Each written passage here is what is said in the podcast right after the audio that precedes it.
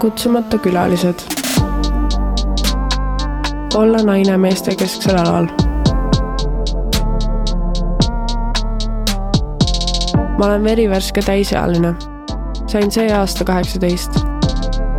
kõik peaksid teadma, mida tähendab täisealine, mida tohib inimene teha, kui ta täisealiseks saab, mis kaitse temalt ära kaob, mis võimalused juurde tekivad ma olen teinud avalikult muusikat sellest ajast, kui olin viisteist. värske liha, noor, emane. postitasin enda esimesed lood SoundCloudi aastal kaks tuhat üheksateist, umbes veebruaris. kuna termin SoundCloud räppar lõi üldiselt pähe pildi tol ajal minuvanustest poistest, siis oli naise nime Raadio kahe räpisaates kuulda üllatav. see köitis inimesi, pani huvi tundma kas tõesti on maastikule lisandunud naissoost räppar? kas ta on parem, halvem? Pole võimalik, et samal tasemel.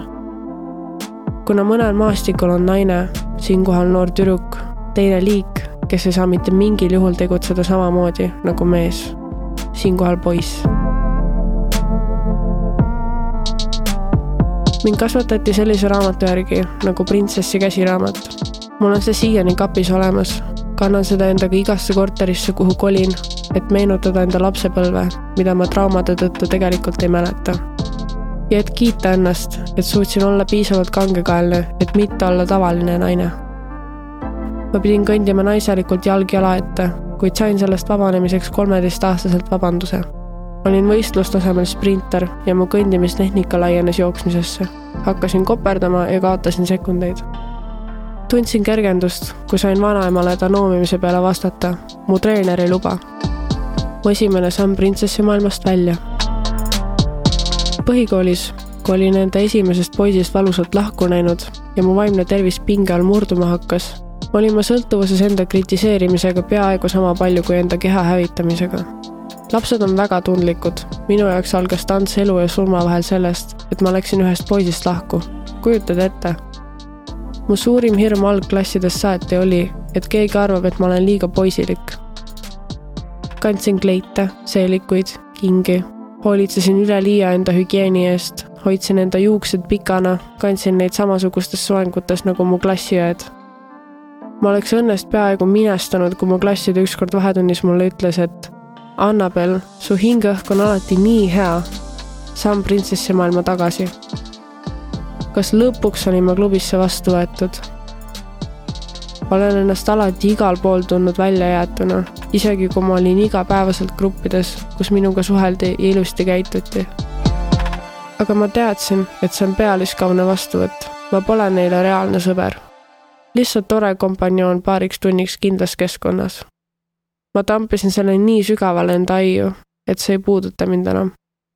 vahepeal arvasin, et see on kadunud aga mida vanemaks ma saan, seda rohkem mind varasemad eluaastad ja nende traumad kummitavad. vaimne tervis tegi lõpuks praks ja ma kadusin igalt poolt. kaotasin kaalu, sõbrad, sideme perega ja enda tõelise iseloomu. olen professionaalne varas, näpan erinevatest iseloomudest kilda nagu vana kala. iga inimene, kellega ma elus kokku olen puutunud, on killuke minu iseloomust ma ei teagi enam, kuidas seda vaadata. kas olen läbi varguse leidnud enda või olen ma mosaiikpeegel? naer, kõnnak, naeratus, miimika, sõnavara, hääletoon, kehahoiak, kõik on varastatud. ma ei saa enam ammu aru, mis osa on mina ja mis osa oled sina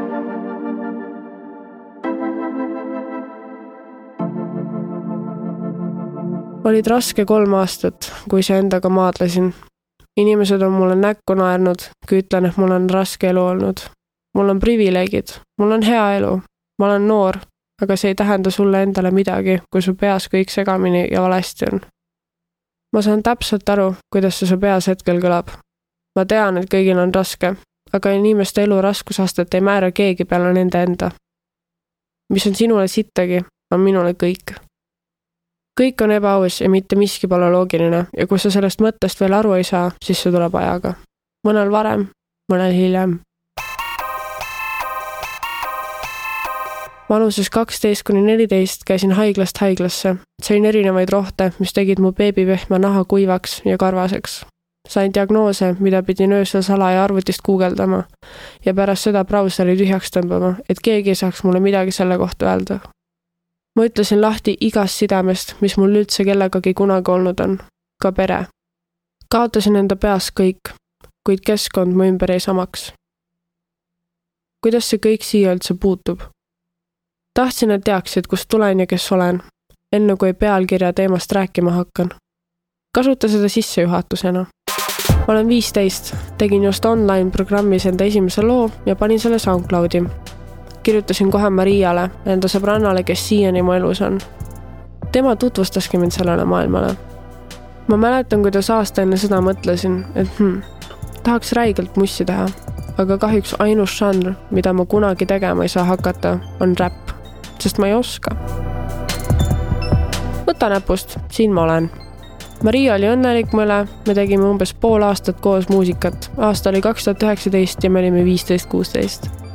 Meil oli lihtsalt lõbus. minu magamistoas õhtuti pilves peaga mingit pläusti salvestada ja Youtube'ist biite otsida. see sidus meid rohkem kui koos kiilakaks ajamine. see oli kõik lõbuprojekt kuni Markus raadios mängis ja kuu hiljem Reket mulle kirjutas, et koos lugu teha. siis sain ma aru, et ma vist saan sellega päriselt tegeleda. nagu päriselt, päriselt. Siim Nestor korraldas kaks tuhat üheksateist kevadel ürituse klubi kolmes nimega Lillpidu naistepäeva eri. see oli mu esimene esinemine artistina Manna. ma olin ekstaasis ja oksendasin kaks korda enne esinemist. tegime Mariaga kolme taga suitsu ja meist kõndisid mööda Marps, Klišeerik ja Max. türa mees, nägid või? ja ma tahaks nendega rääkida, aga ma ei julge. Tol ajal SoundCloudi ikoonid tulid seda üritust vaatama. närv läks kohe suuremaks, aga kuidagi hea oli olla ikka.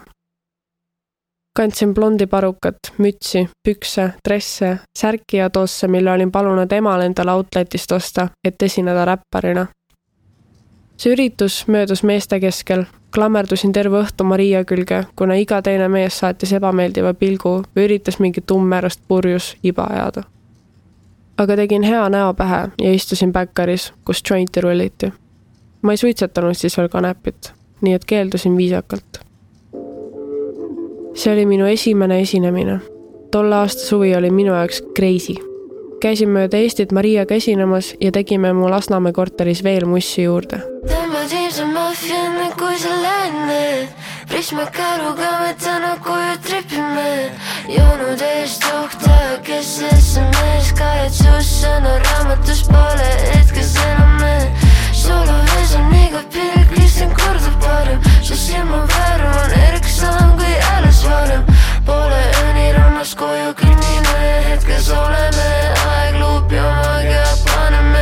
paneme. aegluubis tuli välja päev enne mu lõpureisi, nii et ilmselgelt lasti seda terve tee puhkekülla ja klassivennad lõõpisid lõbusalt. tegelikult ka ongi Reketiga lugu vä, ma mõtlesin, et sa valetad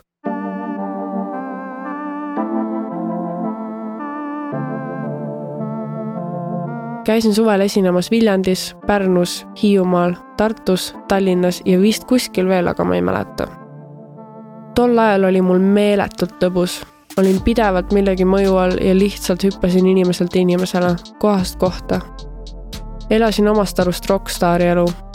suve lõpuks olin täiesti teine inimene ja kaotasin enda ümber tohutult inimesi, sealhulgas ka Maria.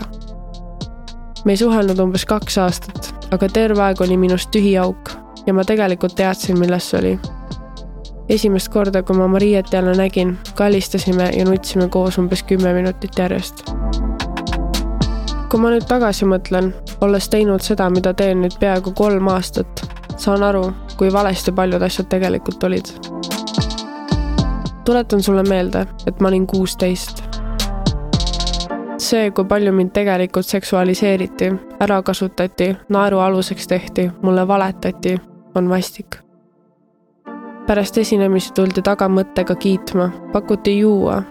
ma olin naiivne, tihtipeale ainus tüdruk meeste keskel. Ma ei teadnud, mis on tegelikult viisakus, austus, siirus.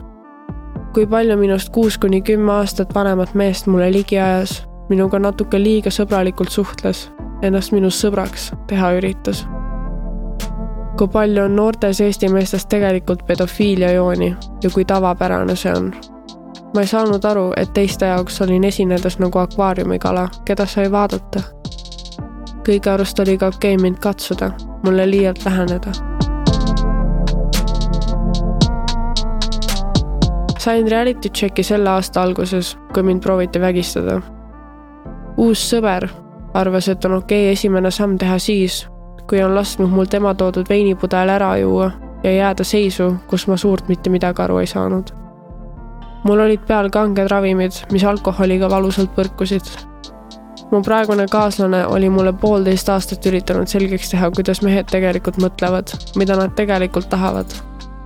Nad ei taha olla mu sõbrad tal on iga kord veatult õigus olnud.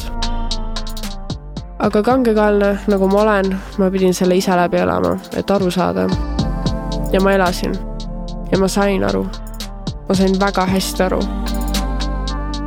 panen mõttetute kavatsustega inimeste suud kinni enne, kui nad jõuavad midagi öelda. tundun paljudel pidudel nagu mõrd, paljudele endistele tuttavatele ära tõusnud paljudele inimestele paljusid asju aga see, mida nemad arvavad, ei ole enam minu õlgadel. ma teen täpselt seda, mida ma pean tegema, et ennast kaitsta. et kaitsta enda mainet, enda elu, enda privaatsust, enda isiklikku ruumi, enda lähedasi, enda energiat, enda karjääri, enda südant. vajalik on üks vale liigutus või märk ja ma ei ole enam huvitatud mitte millestki, mida sa mulle pakud või räägid